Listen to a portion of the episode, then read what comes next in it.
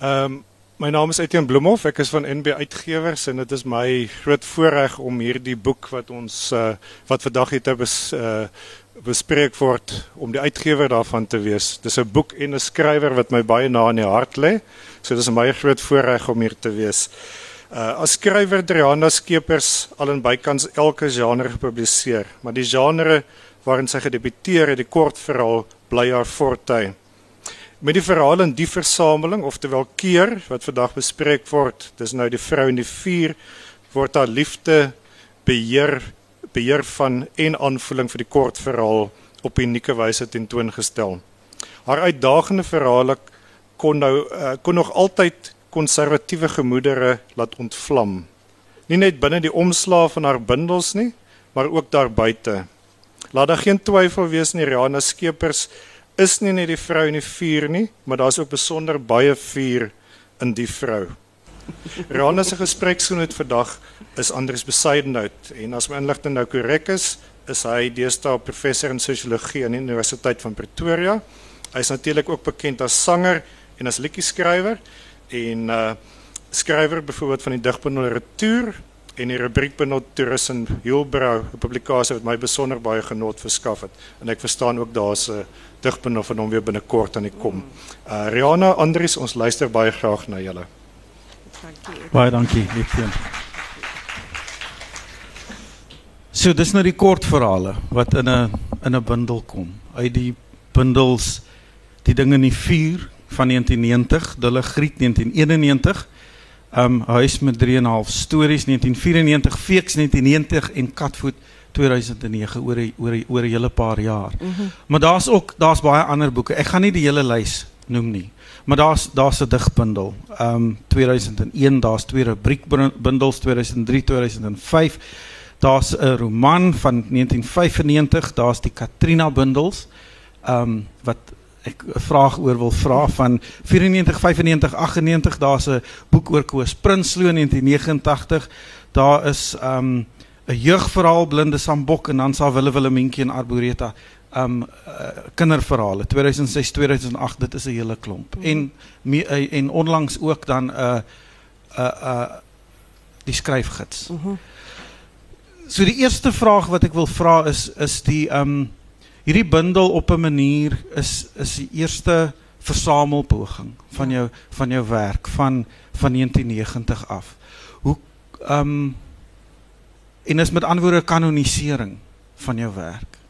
Ja, sekerlik ja, die, die. Ja, want dit is 'n boek wat nou nog 'n ander lewe sal kry en nie meer omdat die omdat die oorspronklike dig um kortverhaalbundels nie meer in druk is nie dit is ook om die verzameling gedoen is. Ja. So ehm um, ek wil net uh, ek ek wil nou net eers my my ehm um, soos hulle sê fan mail doen. Is 'n storie wat 'n 'n massiewe impak op my gehad het in die vroeë 1990s is die een oor oor die plat hond. Ehm um, dis dis een van daai stories wat 'n mens ek weet nie of mense moet sê in die maag slaan of aan die darmes ruk nie, maar dit is 'n storie wat diep met jou werk en 'n mens op 'n meer komplekse wyse na morele vraagstukke laat kyk. Ja, toevallig was Plathond die enigste verhaal wat ek gaan sit het en klaar geskryf het en niks verander het aan hom nie. Hy is kort en klaar. Mens praat so van die muse wat jou besoek. Um, ek dink die muse het my daar besoek want dit was 'n verhaal wat ek ek dink in 20 minute geskryf het en nooit weer iets verander het daaraan nie. Ja. Maar dis die enigste een wat so gekom het. Ja. Kan ek mag 'n mens een voorlees? Natuurlik. Kan ek jou vra om om plat hond? plat hond. Ja, ja dis 'n kort, hy's baie kort.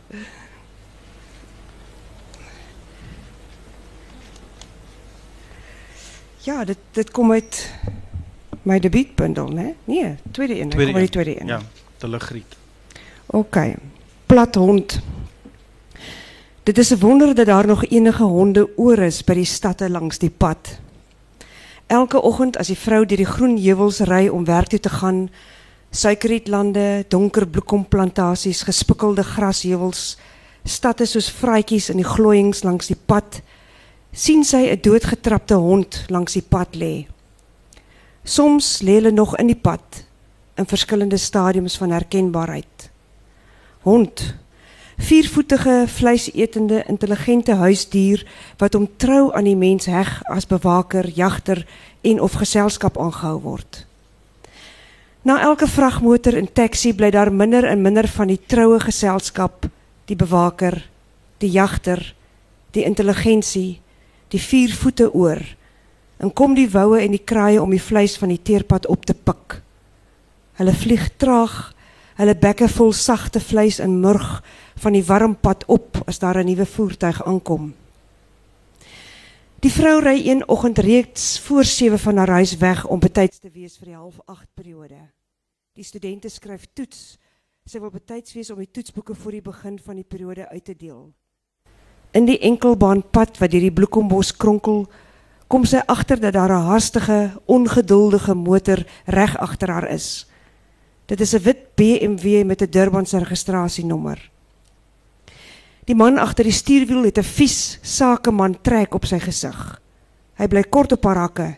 Sy regterkant se flikkerlig reeds aangeskakel, maar hy kry dit nie reg om in die draaierige nou pad verby te steek nie. Daar kom telkens wanneer hy wil uitswaai, 'n groot vragmotor vol suikerriet van vooraf aan. Sy versnel onwillekeurig om hom af te skud. Sy het nie gesien waar die kind vandaan gekom het nie. Hy het asof uit die niet blindelings oor die pad gehardloop. Sy het nie gesien nie. Sy het gehoor hoe sy hom tref. Die geluid van liggaam teen metaal. Sy trek af en kom in 'n stofwolk langs die pad tot stilstand. Die wit BMW stop met 'n skerp geskreeu van bande langs haar. Die man spring by die deur uit en kom met lang hale na haar toe aangehardloop. Sy motor engine luier nog, die deur is oop. Ry, sê hy vir haar terwyl sy nog besig is om haar venster uit af te draai. Moenie omdraai nie, moenie afklim nie, ry net. Sy wil haar mond oopmaak om te proteseer. Sy wil skree om die hysterie uit haar keel te kry, maar hy bedui haar ongeduldig met die hande weg. Ry.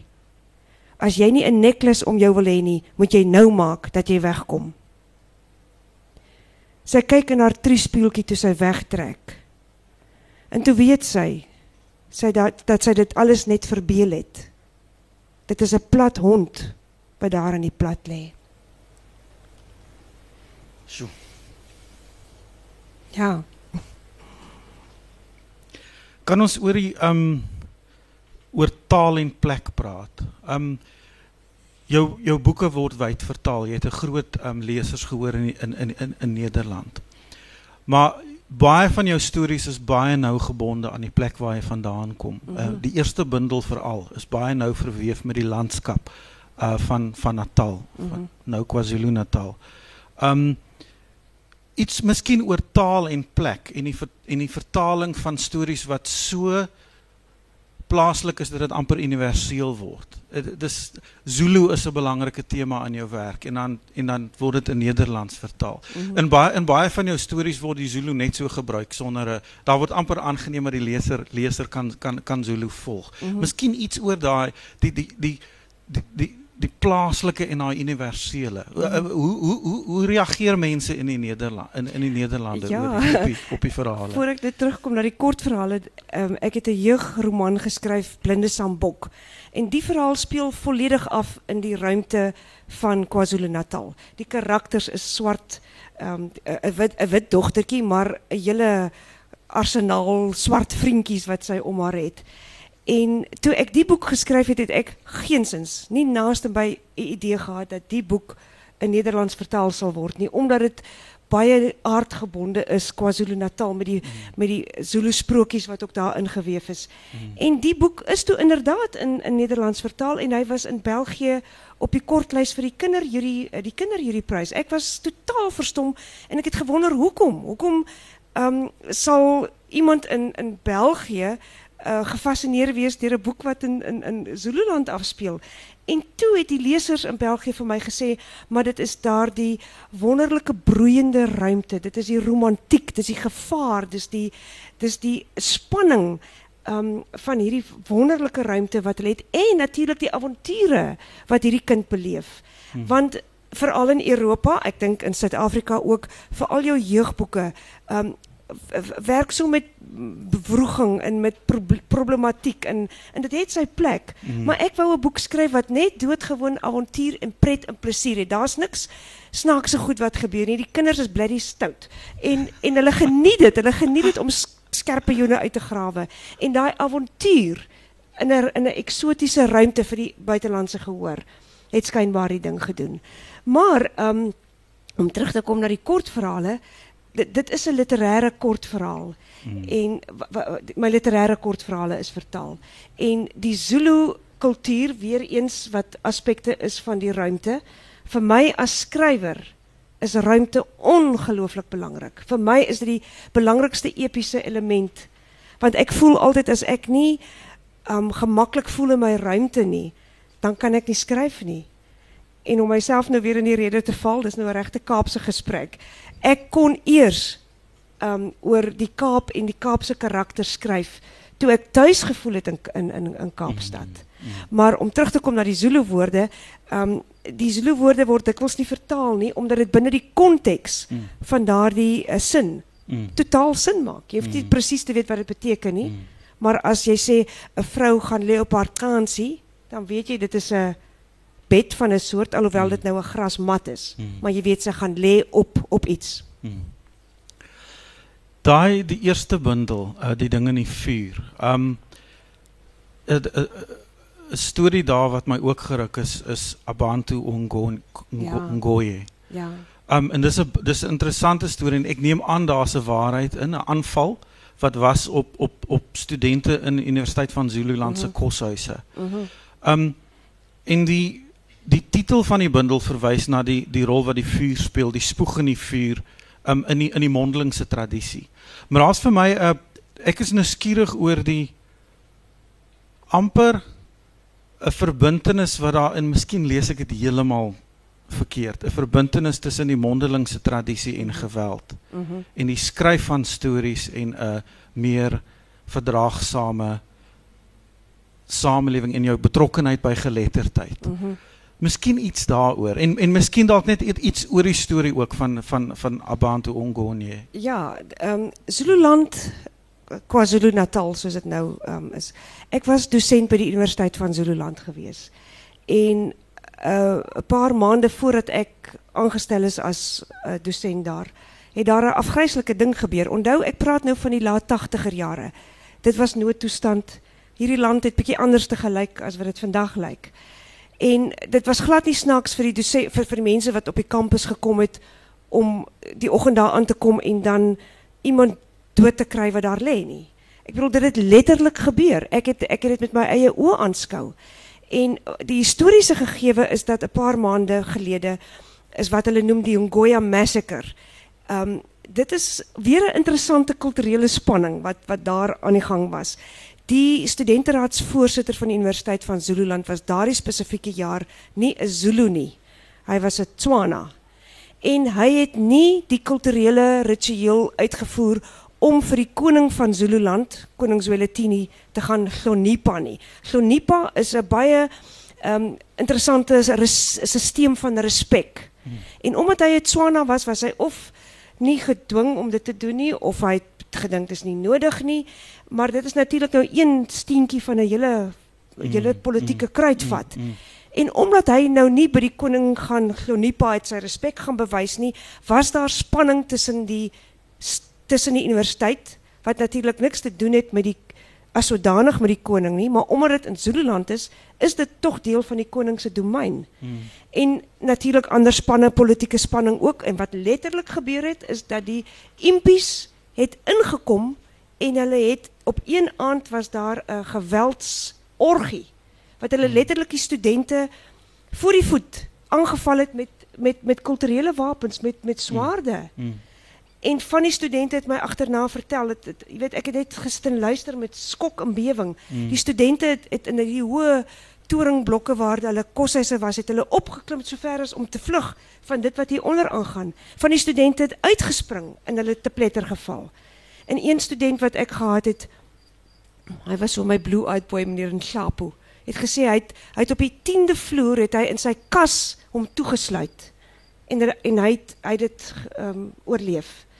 En hierdie verskriklike gegewe ehm um, skrywers reageer ongelooflik goed op spanning. Dis miskien nie so lekker nie. Dit is miskien nie um, die beste manier om trauma te verwerk nie, maar skrywers en kunstenaars neem die spanning wat daar in 'n omgewing is en hulle verwerk dit en hulle skep kuns.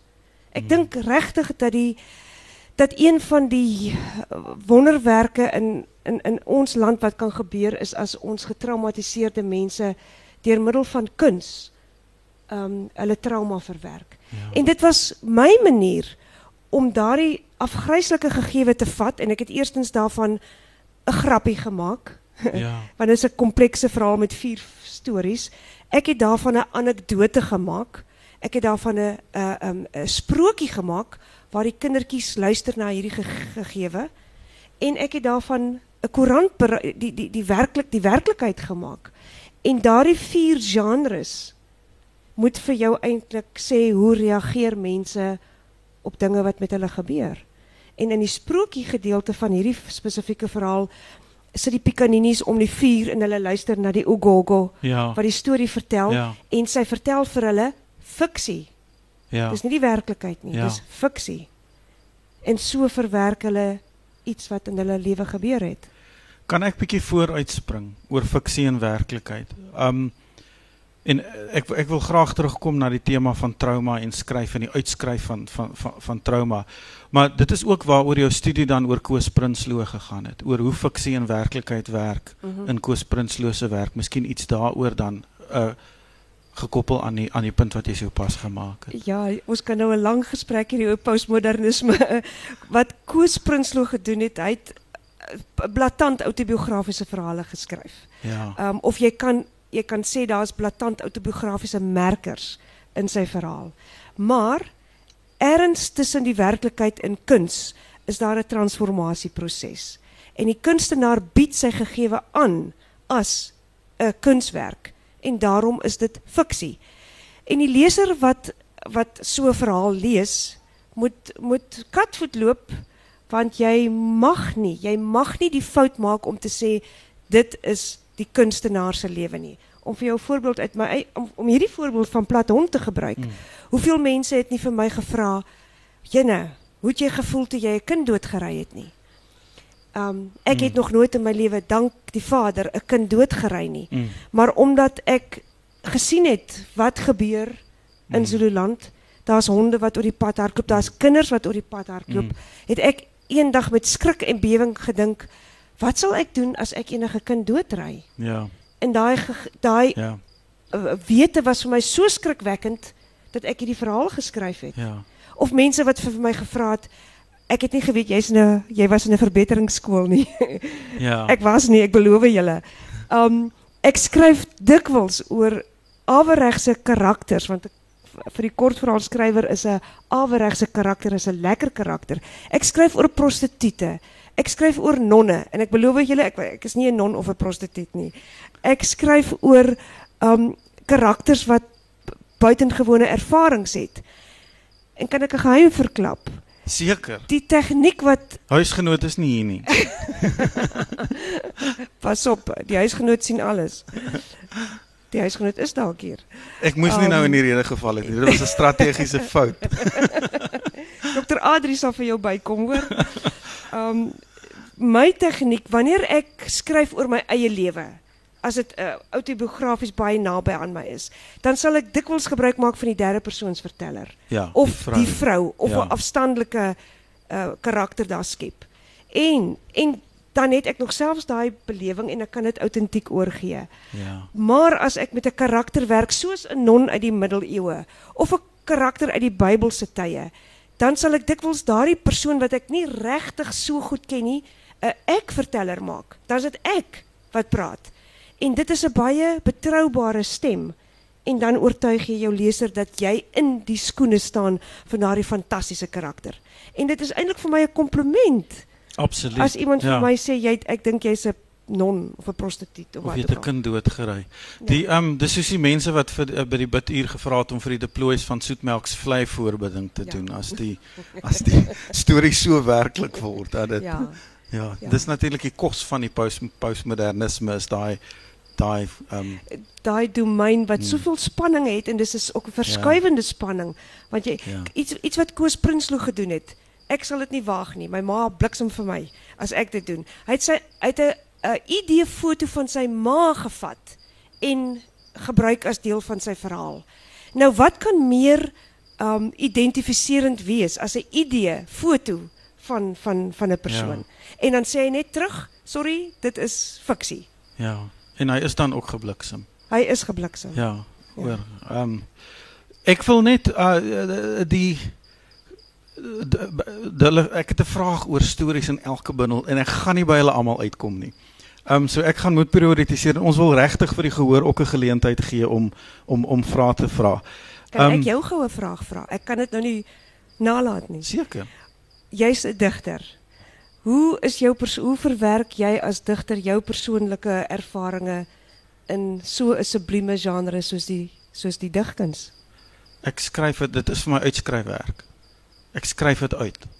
My eerste bundel gaan gaan oor goed wat ek moes deurwerk en dis dis uitskryfwerk. Nou is dit daar is op papier en is uit my. Dit is dit is vir my by uitstek 'n manier om om deels om 'n trauma met trauma te werk en ek dink dis 'n traumatiese land. Trauma en skoonheid. Ja, ek uh, dis 'n vreemde wisselwerking tu- tu- tussen die sublieme en die gruwelike.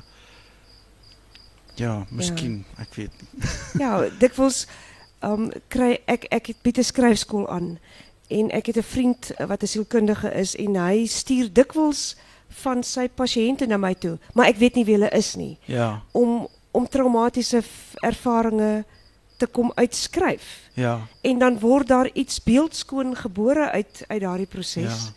ja. En die oomblik as 'n nare gebeurtenis verhef word en getransformeer word tot kuns, ja. dan het jy nie verniet gelewe nie. Maar weet jy Rihanna, mens wil ook dan wat jy vroeër gesê het oor die oor die jeugverhale. Mens wil ook dan iets skryf wat absolute ontsnapping is, wat nie oor trauma gaan nie. Mens wil jou rugkeer amper op ander kere, nê? En dan en dan in jou geval vind jy dan 'n ander genre daarvoor. Weet jy ja, ek ek voel partykeer skuldig dat ek nie meer kortverhale skryf nie. Maar ek voel net die hele letterkunde wyd en groot is daar buite en en ek gaan nie alles ingepas kry in een lewe nie. So ek vir elke soort emosie wat ek voel, vind ek 'n nuwe genre. Selfs 'n SMS om 'n SMS te stuur is 'n Ja. fantastiese genre. Gebruik Ja. dit.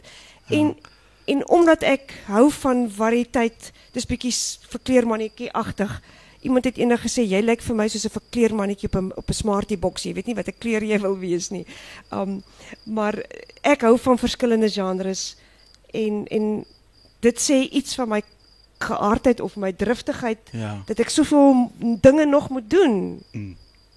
So die Kat, die Katrina verhale, ek het in die Kaap gekom en ek was heeltemal betower deur die pragtige Kaapse Afrikaans wat ek gehoor het hier.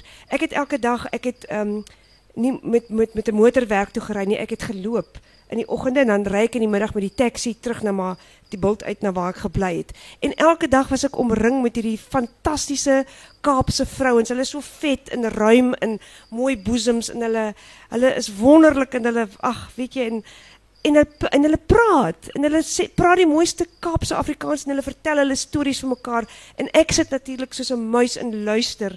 En die Katrina boeke het ontstaan omdat ek doodgewoon blaatant afgeluister en gesteel het hierdie fantastiese verhale en hierdie pragtige taal wat hulle gebruik het. Wat 'n skrywer is nie 'n dief nie, nê? Ja, die skrywer is 'n dief. Kan ek um ek wil oor oor vroue praat en vroue in jou boeke spesifiek en die en die eerste 'n storie wat my ook ook geruk het is die um die uit twee rigtings storie waar dit het weer een van daai wonderlike twists aan die einde. Jy weet Ja. waar things are not as they seem. Ja.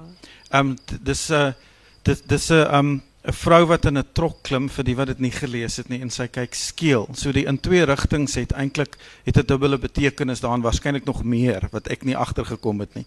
Maar sy klim in die trok en die leser dink, "O hel, wat gaan nou met haar gebeur? Hierdie mans gaan iets verskrikliks aan haar doen." En sy praat dan van haar ma wat siek is.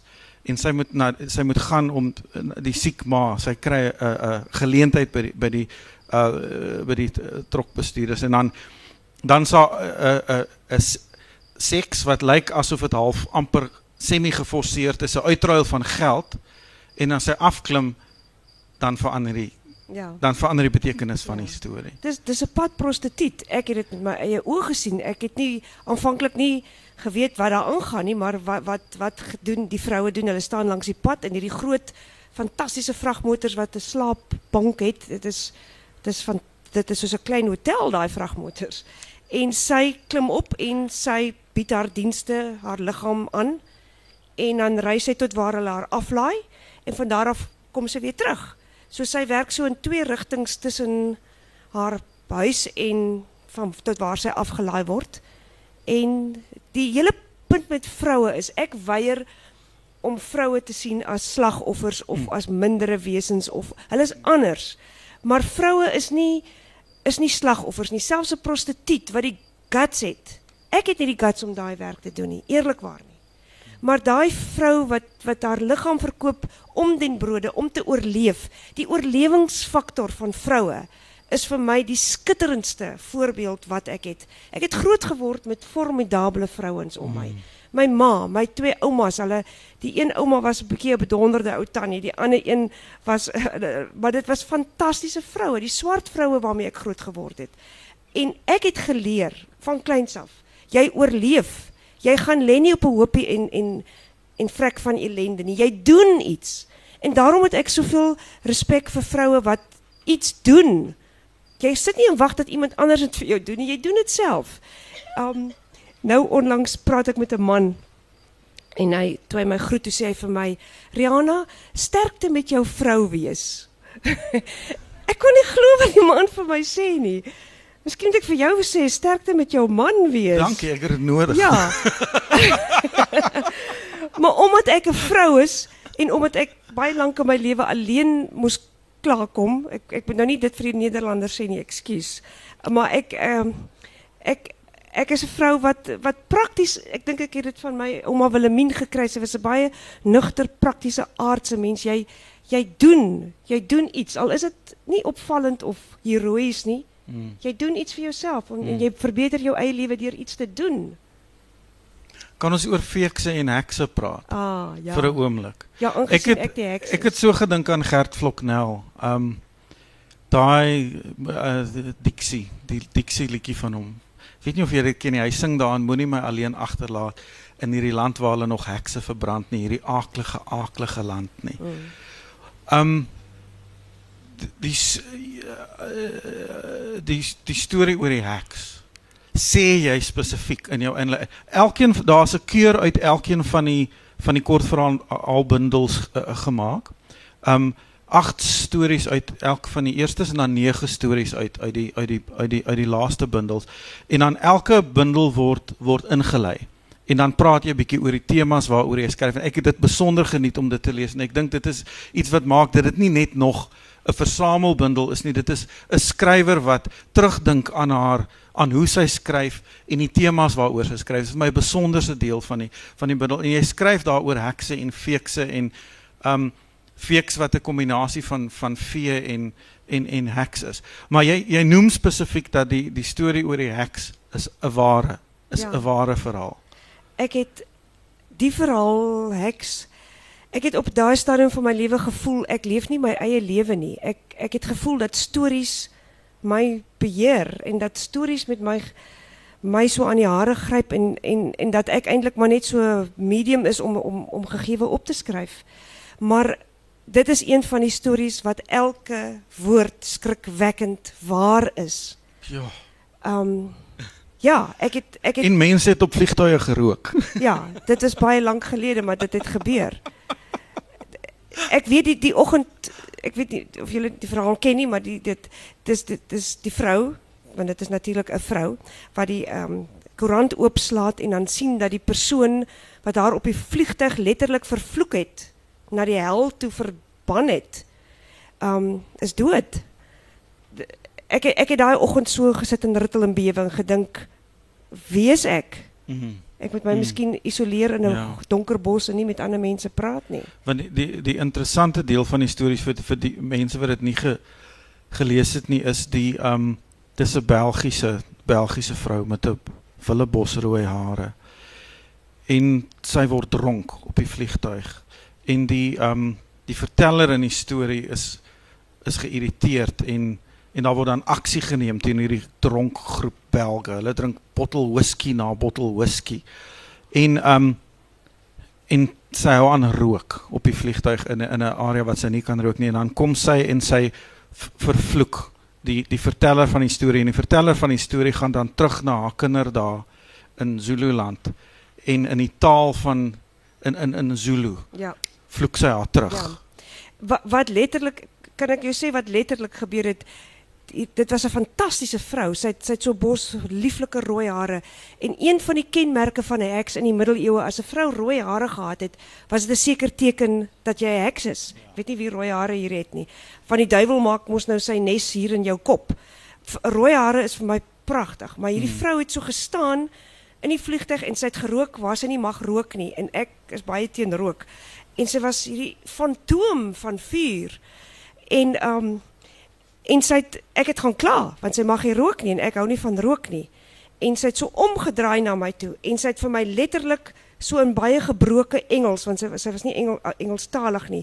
Het sy vir my so begin sulke vloeke na my toe instuur. Sy sê you unhappy woman you'll be unhappy for the rest of your life het sy weet so vir my gesê. En ek het vir 'n oomblik het ek so verstarg gedink en besef hier word ek vervloek deur 'n heks.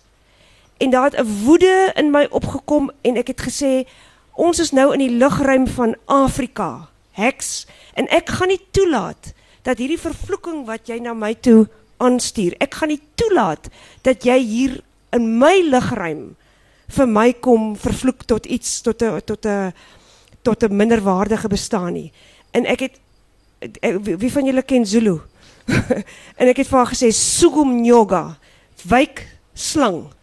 En ek het so so oorbel aangehad wat ek alterntaal veertjies gehad en ek het net gevoel dat daar 'n daar amper 'n soort bonatuurlike mag van my besit nie met ek gesê ek gaan nie hierdie vloek van jou aanvaar nie. Ek stuur dit terug na jou toe. Hamba Suga. En En daar sy dood. En 3 dae daarna sit ek in my klein kombuisie in my halwe huis en ek slaan die koerant oop en toe was daar hierdie skrikwekkende hulle was 'n klomp mense wat met motorfietsse gery het. Hmm. En daar was 'n ongeluk en al wat ek kon sien onder hierdie laken was hierdie bos vuurrooi hare. Wie jy kry nou nog sulke rillinge. Hierdie hare van hierdie vrou en en sy's dood in 'n ongeluk. Nou ek wil nie sê dat dat ek dat dit ek is nie. Al wat ek weet is dat die vloek wat sy na my toe gestuur het, het ek so afgeweer. Mens sukkel nie met 'n heks in Afrika nie.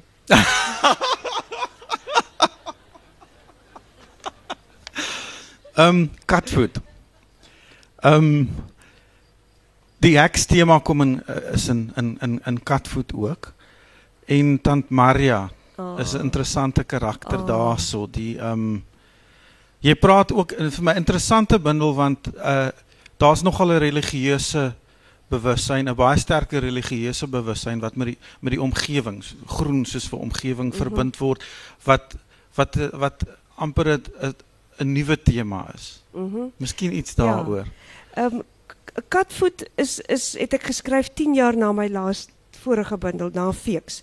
En my omstand my persoonlike omstandighede het verander en wat vir my op daai stadium belangrik was, was nie soseer 'n religieuse belewing nie. Ek ek dink mens kan dit 'n religieuse belewing noem, maar 'n soort intuïtiewe belewing van dit wat ewigheidswaarde het. Mm. Jy kan dit religie noem. Mm.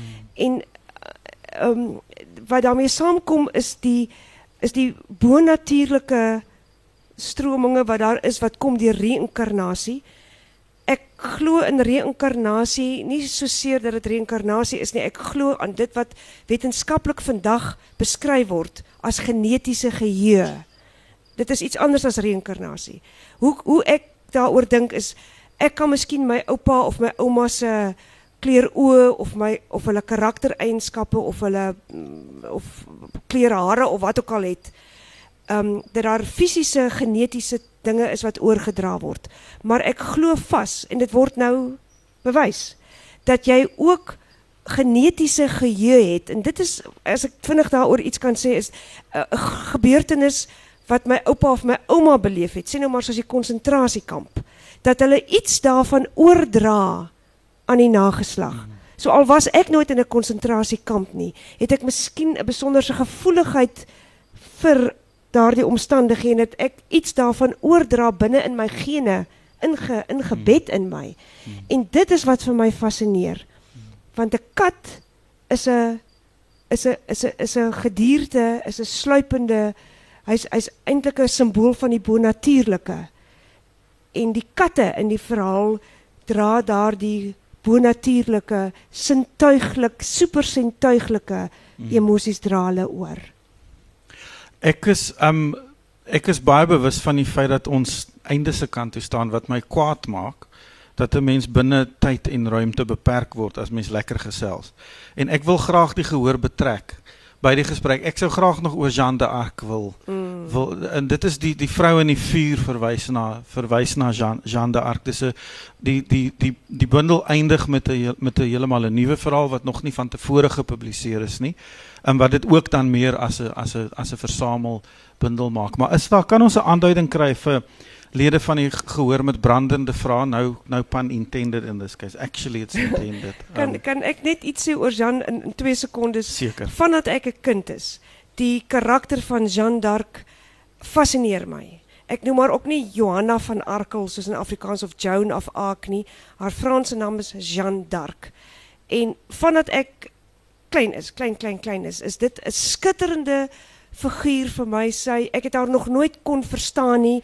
Ek kon nog nooit agterkom presies wat in haar lewe aangegaan het nie al, alhoewel ek ek dink alles van haar biografies weet. Maar tot die dag van my dood sal hierdie meisiekind wat op 17 die hoof was van die Franse weer leer. Sy fascineer my nog steeds. Hmm. ek is nog nie klaar met haar nie. Enige ek het nog baie vrae. So as daar niemand is wat 'n uh, Ek wil die, die een vraag wat wat ek aan die begin wou vra maar bang was ek gaan nou nie by die by, by latere vrae uitkom nie is jy jy jy skryf in jou in die in in die inleiding ek dink tot die eerste bundel skryf jy oor die spontaan spontaan spontaniteit dankie van die skryf van 'n eerste van 'n ja. eerste boek ja. Onlangs het jy en Letty Klein, ek dink 'n lieflike lieflike skryfgids uitgegee. Ek weet nie waar hulle die mens wat oor lirieke geskryf het gekry het nie. Dis nog 'n swak een. Maar nee, verder is dit 'n briljante boek. Um jy praat ook oor daar was toe nie uh, kursusse in kreatiewe skryfkunde nie. Jy bied self sulke kursusse aan ek is ek is geïnteresseerd oor oor oor die leerproses. Ek meen mm. dis net dis 'n fenominale aantal genres boeke waarin jy werk en dan e, e, dit lyk vir my of jy nou nadink daaroor.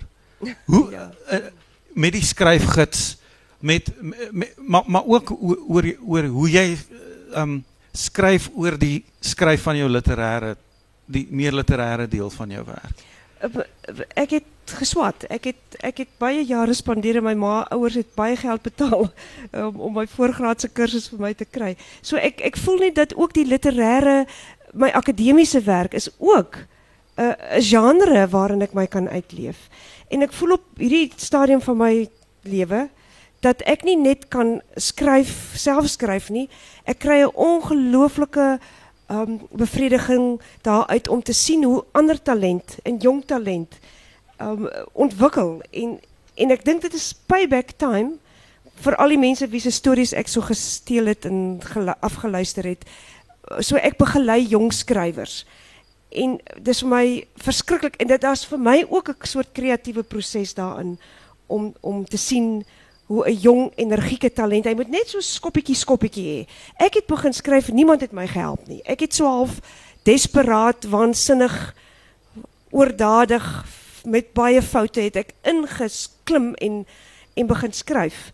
En ek was in 'n sekere sin baie gelukkig van baie jong skrywers um, wat so waansinnig begin skryf en driftig begin aan die werk gaan uh, word nie getemper nie of hulle hulle kom nie by die regte plek uit nie.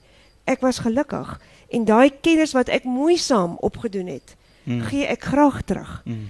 En die hoofstuk oor die liriek was een van ons verrassings in die Afrikaanse skryfgids. Hier sit die skrywer.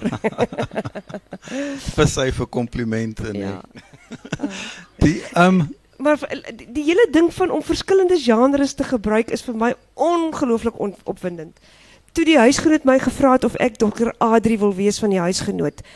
My eerste reaksie was: "Wow, fantasties, 'n nuwe genre van die hmm. troostannie."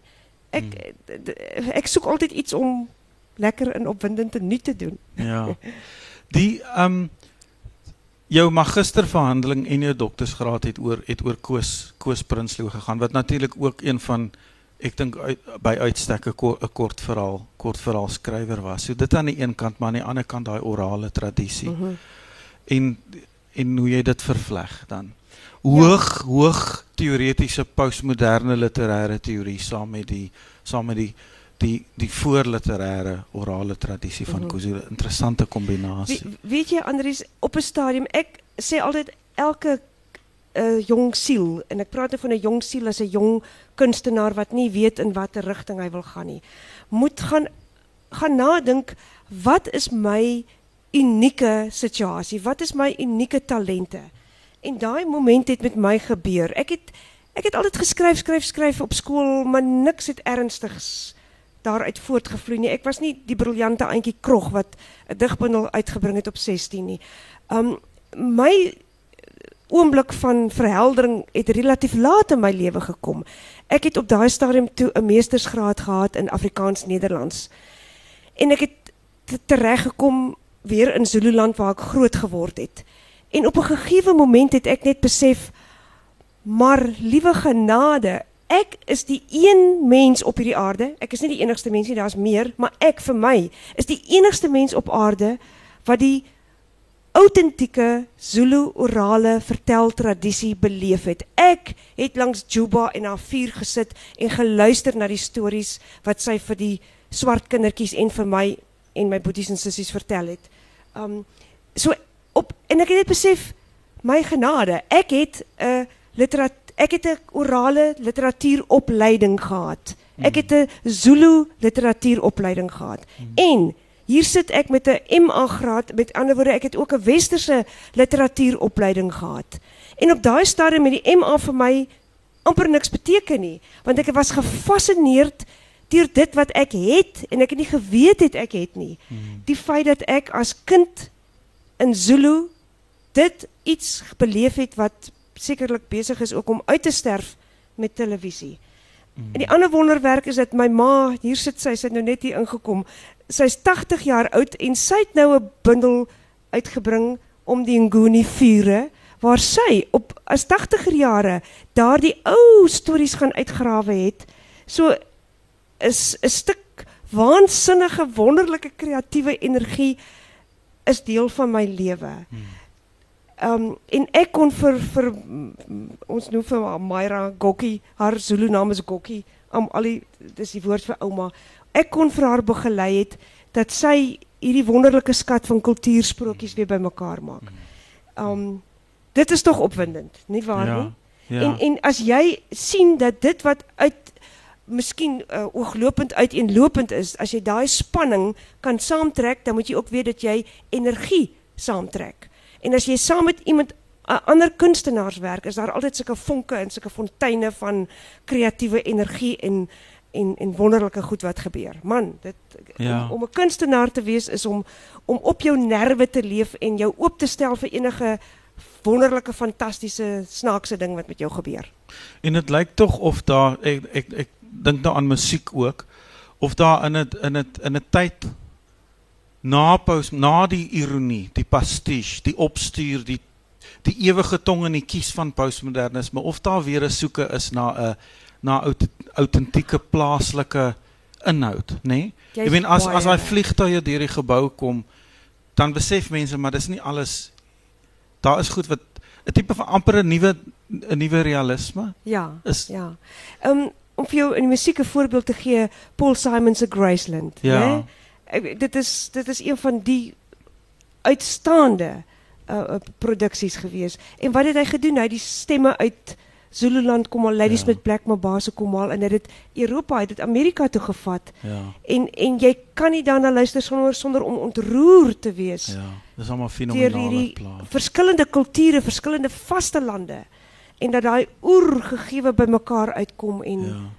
en 'n wonderwerk gebeur. Dis amper dit is daai spanning tussen die universele en die plaaslike en dat as mens regtig oortuigend oor die plaaslike kan skryf dan word dit universeel, nê? Nee? o, en- absoluut. En dis hoekom die Nederlanders en die Belge jou stories kan waardeer, want dit skryf oortuigend oor die plaaslike. Ek dink so en en ek ek is versot op my mense. Ek is versot op hierdie land. Ek kan seker in 'n ander land gaan bly, maar met al die spanning, met al die droefnis, ons wye en droewe land met al die dinge wat ons hier beleef, is dit nog steeds 'n opwindende en 'n 'n ongelooflike bron van energie vir 'n kunstenaar. Ek dink nie mens kan dit op 'n beter plek afsluit as dit nie. Rihanna Skeepers, baie geluk. Baie dankie vir die werk wat jy vir ons gegee het. Dankie dat jy ons gekorrupteer het toe ons jonger was in die 90s met stories wat morele grys areas uitgebeeld het. Ons meer realisties gemaak het en met nuwe oë laat kyk het. Dankie, Baie, baie dankie. Dankie Andries.